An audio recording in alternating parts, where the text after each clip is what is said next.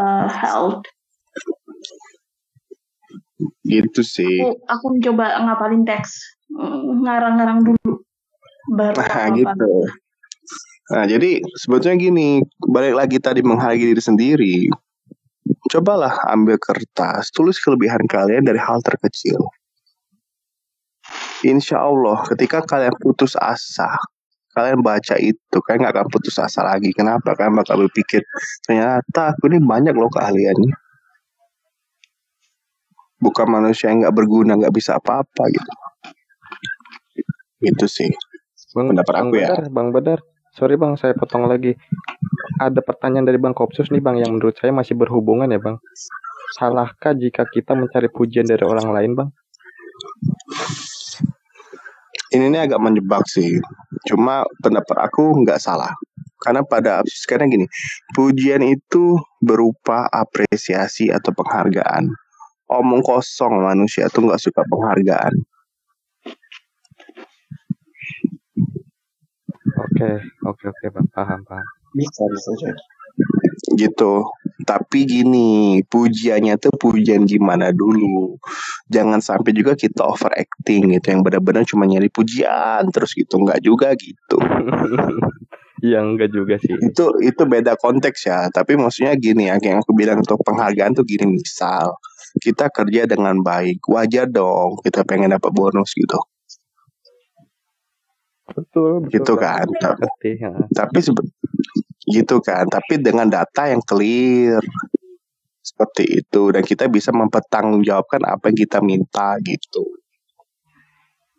Masih berhubungan gak sih bang sama yang pada tempatnya atau enggak situasi yang tepat? Iya, berhubung lagi pada tempatnya, situasi dan kondisi makanya kita tuh nggak bisa saklek. Oke, masuk. Contoh gini deh, contoh gini. Wajib nggak sih seorang guru itu memberi apresiasi kepada siswanya yang juara? Wajar dong, wajar, memberi pujian wajar. Karena menurut saya sudah proporsinya ya bang. Iya, kita nggak tahu saya untuk belajar itu gimana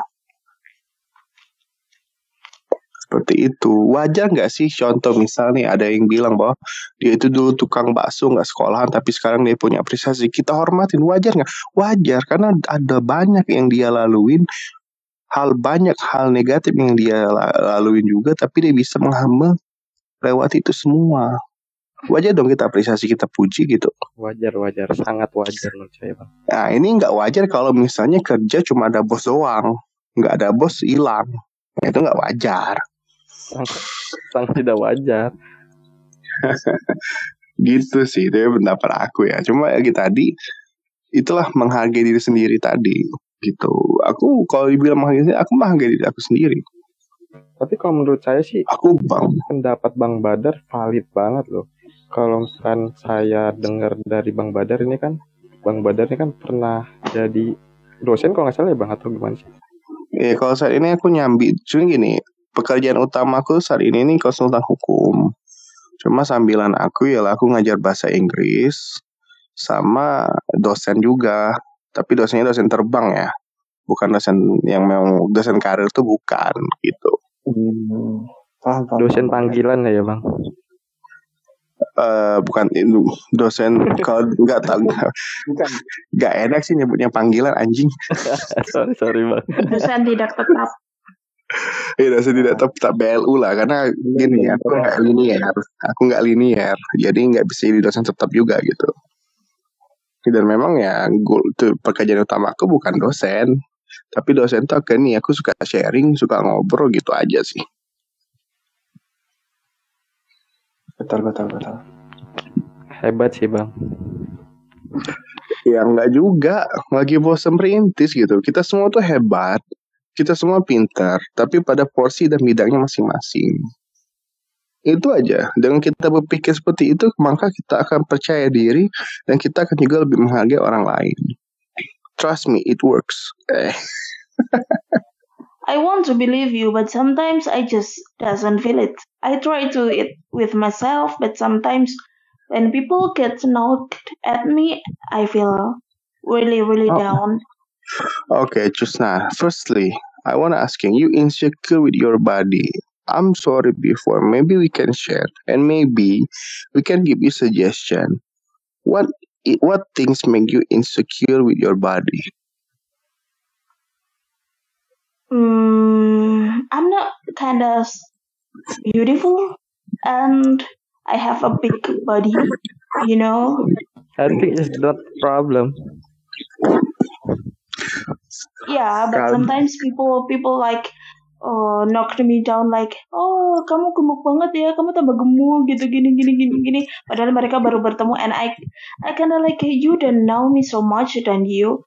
So Sorry, you uh, just uh, boleh so, uh, kamu komentar fisik kayak gitu. Eh nanti kalau kamu gemuk-gemuk gini kamu nggak bakalan dapet suami loh. I want to believe that jodoh itu pasti di tangan Tuhan, but sometimes it still makes me feel bad.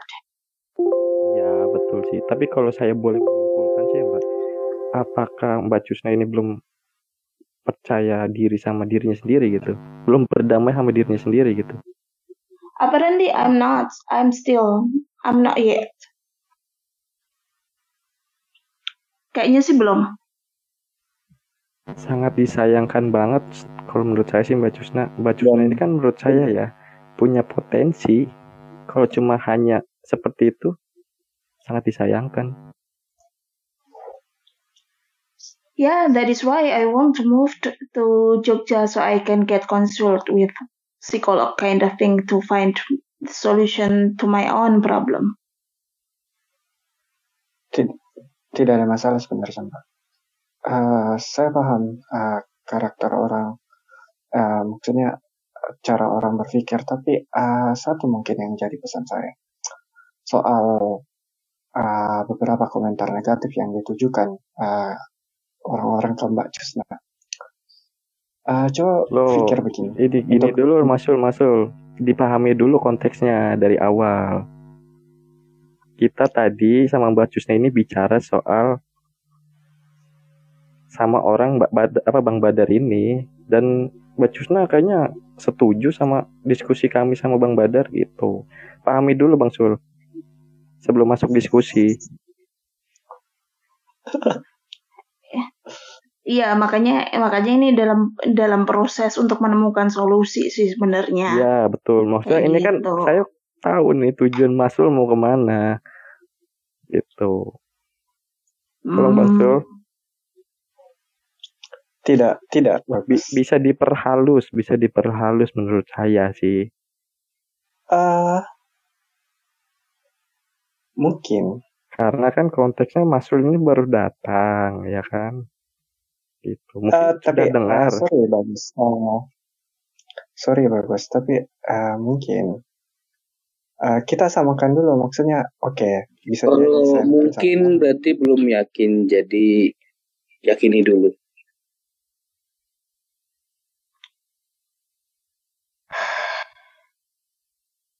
Gimana? Kayak kayak gini loh uh, kayak yang dibilang Bang Kopsus tadi, salahkah jika kita mencari pujian dari orang lain? Aku pernah dengar quote dari Uncle Iroh gitu kan di di di serial Avatar The Legend of Aang. Bilang itu bilang kalau pujian dari orang lain itu selalu good help, selalu apa ya bagus untuk menaikkan menaikkan kepercayaan diri. But separuhnya pujian orang lain, separuhnya juga harus kita kepercayaan diri lah, kayak gitu intinya. And aku, aku tahu itu. I realize that. Internal closing. What? Sorry habis baterai guys tadi. Maaf, maaf ini lagi ngecas. oh. Jadi jadi intinya kayak gitu. Terus kemudian aku aku tuh juga mikir harusnya juga aku bisa lift up my my confidence to the new level katakanlah kayak gitu. Tapi ketika ada orang lain hit me up kayak kayak ngomong kayak gitulah ngomong omongan negatif apalagi dari keluarga sendiri gitu kan it sometimes feels still makes me feels down. I think it's fair for you Mbak Jusna. Kayak gitu sih. Um Jusna sorry. Uh, do you care about your appearance? not physically I mean that like your fashion pakai cara berpakaian dan lain-lain. Do you care about that? Not really uh, as long as I feel comfortable then I I okay with it. But sometimes people get me oh your clothes are just so messy. Your clothes just out of context kind of like that. And I'm still what? I feel comfortable with it and I I just wear what I want to wear but still makes adjustment for the occasion that I want to in. Still people get judge me out of that. Okay so like this uh just ya ha, gini loh aku mau ngasih gam um, bukan bukan sok mencerahkan ya pencerahan dikit lah good looking yang sering dimaksudkan itu adalah bukan good looking dari cantik. Karena apa? Cantik itu relatif. Oke. Okay. Tapi good looking itu adalah penampilan yang menarik. Penampilan yang menarik itu apa? Dari cara kita berpakaian. Gak harus yang branded mewah, tapi minimal rapi.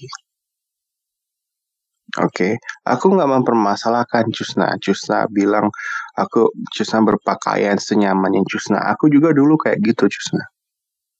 Tetapi Cusna, ketika kita sudah masuk usia 25 tahun ke atas, itu sudah masuk fase usia dewasa. Artinya apa? Kita sudah harus siap di dunia kerja. Kita logika gini aja deh. Gimana kita mau kerja atau kita percaya gini kalau misalnya kayak aku, aku profesi jual jasa. Gimana orang itu mau percaya dengan aku kalau aku berpakaian asal-asalan? Begitu juga ketika kita melamar pekerjaan. Tapi kalau Cusna bilang, aku nyaman dengan posisi aku sekarang, kenapa mau gini gini gini? Pertanyaannya kalau memang Cusna nyaman, kenapa Cusna nggak pede? Nah, itu Bang. Orang nah, orang itu Cusna akan berhenti mengatain Cusna kalau Cusnanya menunjukkan kalau memang itulah gayanya Cusna. Aku ganteng enggak Cusna. Iya, yeah, I want to do that, but sometimes people just judge me out. Kayak yang Bang Bang Badar bilang ya, kalau misal ya at least pakaiannya rapi lah. Ya, aku pakaianku rapi salah satu caranya ya pasti aku setelika dong. Pasti apa kalau bahkan sering juga aku laundry gitu kan. Tapi ketika aku keluar ada orang di rumah bilang gini eh seharusnya kamu tuh nggak nggak jangan jangan melulu disetelika bajunya kayak gitu. Aku aja nggak pernah kok setelika baju tapi bajuku rapi.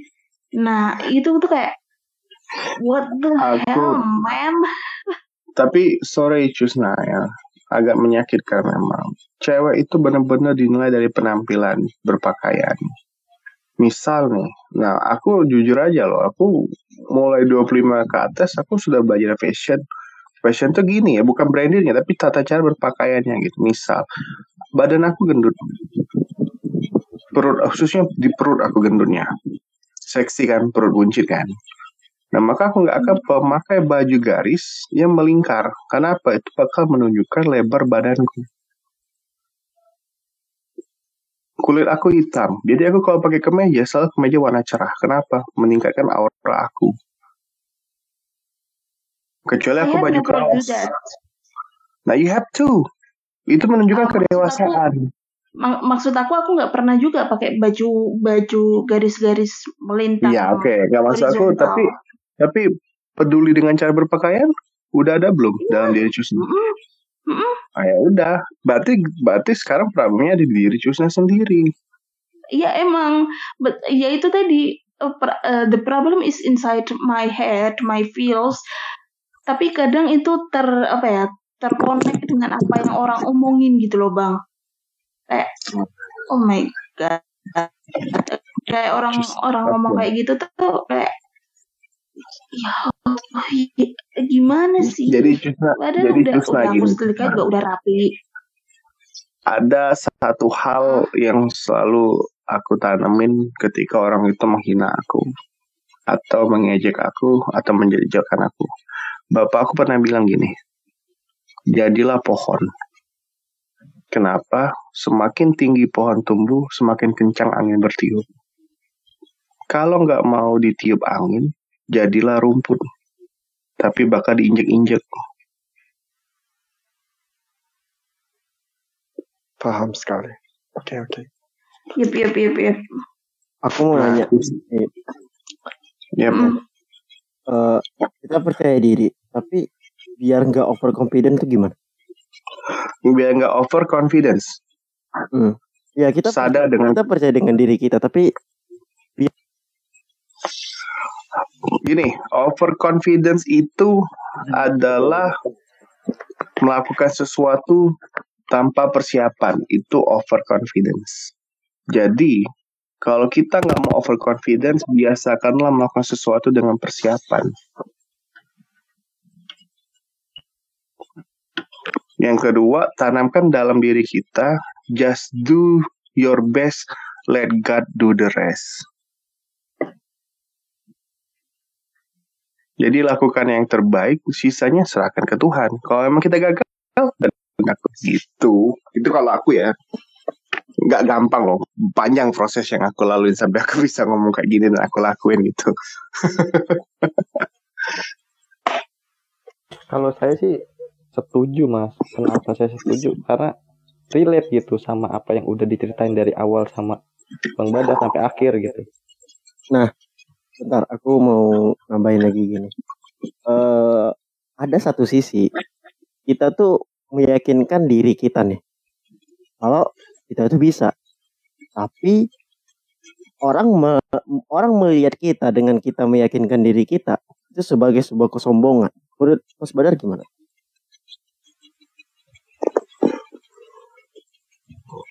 Kalau menurut aku, tetap aku lanjutin. Bodoh amat omongan orang.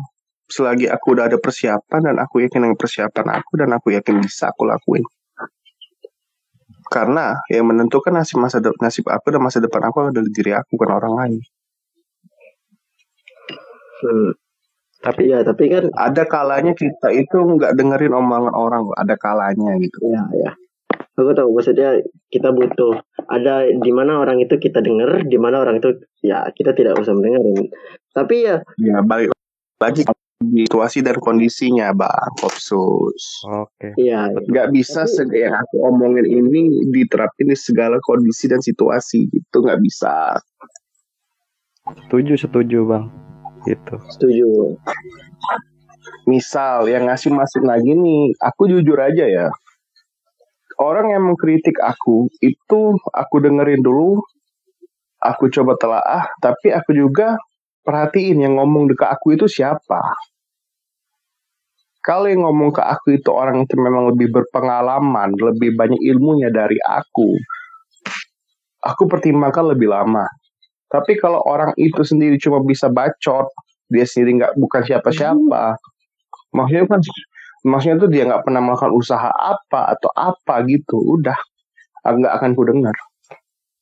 Iya, karena iya. apa? Dia sendiri nggak pernah kok ngelakuin itu kenapa dia sok-sok mau ngasih saran Tepat sekali, betul betul. Oke oke.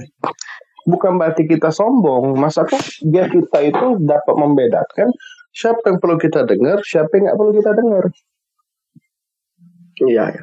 Ya karena ya itu dia tadi maksudnya aku juga ngalamin posisi di mana seperti itu kan. Maksudnya di saat aku eh, hanya untuk meyakinkan diriku tapi orang malah mengatain ah itu mah sombong gitu. Eh, iya nggak iya, iya. Yang ngomong kita sombong tuh siapa karena gini kalau orang yang tipikal juga berusaha dia pasti maklum kok justru orang yang sombong itu kita lihat feeling aku orang itu sendiri nggak pernah ngelakuin apa-apa yes. Setuju. terus kenapa mau kita pikirin dia sendiri nggak ada prestasi apa-apa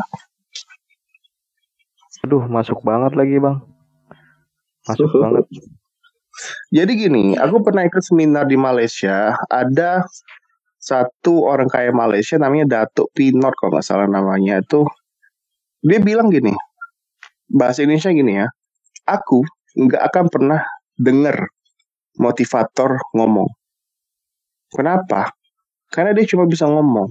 Tapi aku lebih memilih mendengarkan orang yang gagal. Kenapa? Dia sudah pernah mencoba. Artinya apa? Yang kita dengerin itu orang yang pernah melakukan hal itu. Biarpun dia gagal, tetap ada pelajaran yang kita ambil. Apa? Kenapa dia bisa gagal? Makanya kalau ada motivator, aku cari tahu dulu backgroundnya apa. Mary Riana, aku tetap aku respect. Kenapa? Karena aku udah tahu backgroundnya apa. Mario Teguh, meskipun dia ada kasus, tapi tetap respect aku. Kenapa? Karena dia punya background. Gitu. Background, bang, background ini nggak harus dari pendidikan kah? Nggak harus. Bukan, kan? ya bukan pendidikan, pengalaman hidup. Kalau motivator kan motivator. Iya betul betul bang. Maksud saya mau nebelin lagi gitu. Iya benar. Nah, makanya, gitu, makanya itu tadi bro, situasi dan kondisi. Kita mau tampil tampil lomba nyanyi, ya tentunya orang yang kita dengerin adalah orang yang punya pengalaman ikut lomba nyanyi atau yang bisa nyanyi. Gak mungkin dong saran mak ngomong nih saran pengacara yang nggak bisa nyanyi tapi ngasih saran tentang cara nyanyi. Gak mungkin dong kalian dengerin.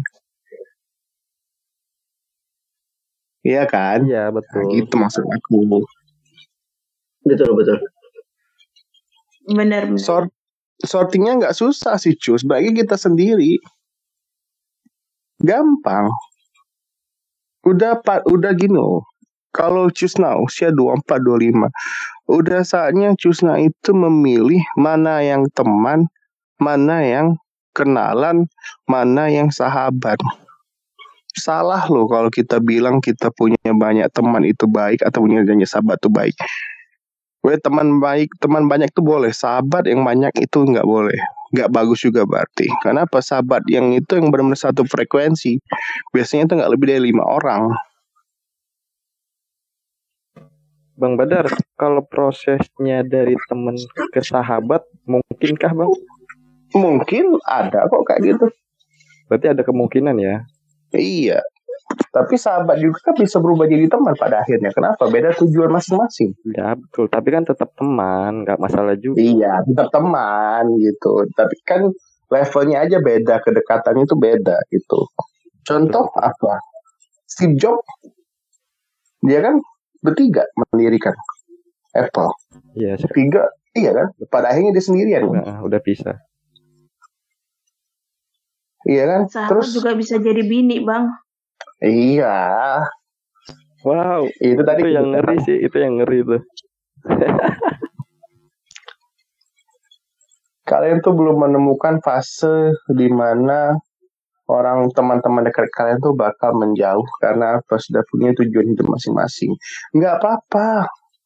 Itu lebih baik daripada punya teman yang tetap mau dekat dengan kita tapi jadi toksik gitu bagi diri kita. Tunggu dulu nih bang, tunggu dulu nih bang. Kalau bang Badar bilang kan tadi kan kalian gitu. Hmm. Kalau saya sih udah sampai fase situ. Oh ya, sorry ngasih itu beberapa kayak Cusna kan umurnya 24 gitu, maksudnya yang masih masih oh, yang masih kuliah gitu. Oke. Okay. 26. Ya. maksudnya tuh untuk yang lain ya. gitu maksudnya. Sorry, sorry, sorry, sorry, sorry. Never mind. Iya, uh, maksudnya di fase itu saya rasa semua orang bakal lewati juga kan. Nah, mungkin Nah, di fase Bang Badar yang maksud itu, teman-teman bakal menjauh karena masing-masing dari teman-teman itu punya tujuan masing-masing. Nah, saya, hmm. saya sekarang ada di fase itu dan coba mengerti juga karena kita punya visi, punya tujuan, punya keluarga yang beda-beda, punya pencapaian hmm. yang akan dikejar. Gitu iya, ngerti, iya. ngerti Mas. Kalau saya setuju sama Bang Badar itu kan karena Bang Badar itu bukan orangnya gitu, tapi caranya yang nggak disuka itu betul kan bang Badar gitu ya? Iya cara ini suka itu kadang. Uh, ya, cara itu. Cara dan cara itu enggak tujuannya udah berbeda bukan berarti jadi musuh. Ya bukan. Karena tujuannya makanya aku sudah uh, tujuannya sih bisa untuk pembelajaran bisa jadi ke situ. Ya makanya aku selalu bilang sih kepada orang yang misalnya dia perpisahan aku cuma bilang aku nggak akan sedih kita pisah semoga kita ketemu atau semoga kita sukses di jalan kita masing-masing. Bang Badar, tapi kalau saya bang yang paling sedih itu di saat udah ketemu pertemuan ada pertemuan ya saya paling sedih kalau misalkan ada perpisahan gitu. Dari awal saya ketemu itu udah memikirkan ke sana loh itu nyiksa diri sendiri nggak sih kenapa nggak nikmati ya? momen aja Iya, maksudnya belum belum terlalu menerima Iya nggak apa-apa bertahap bro. Everything has process. Thank you. Iya iya. Gus nyenggol gua Gus.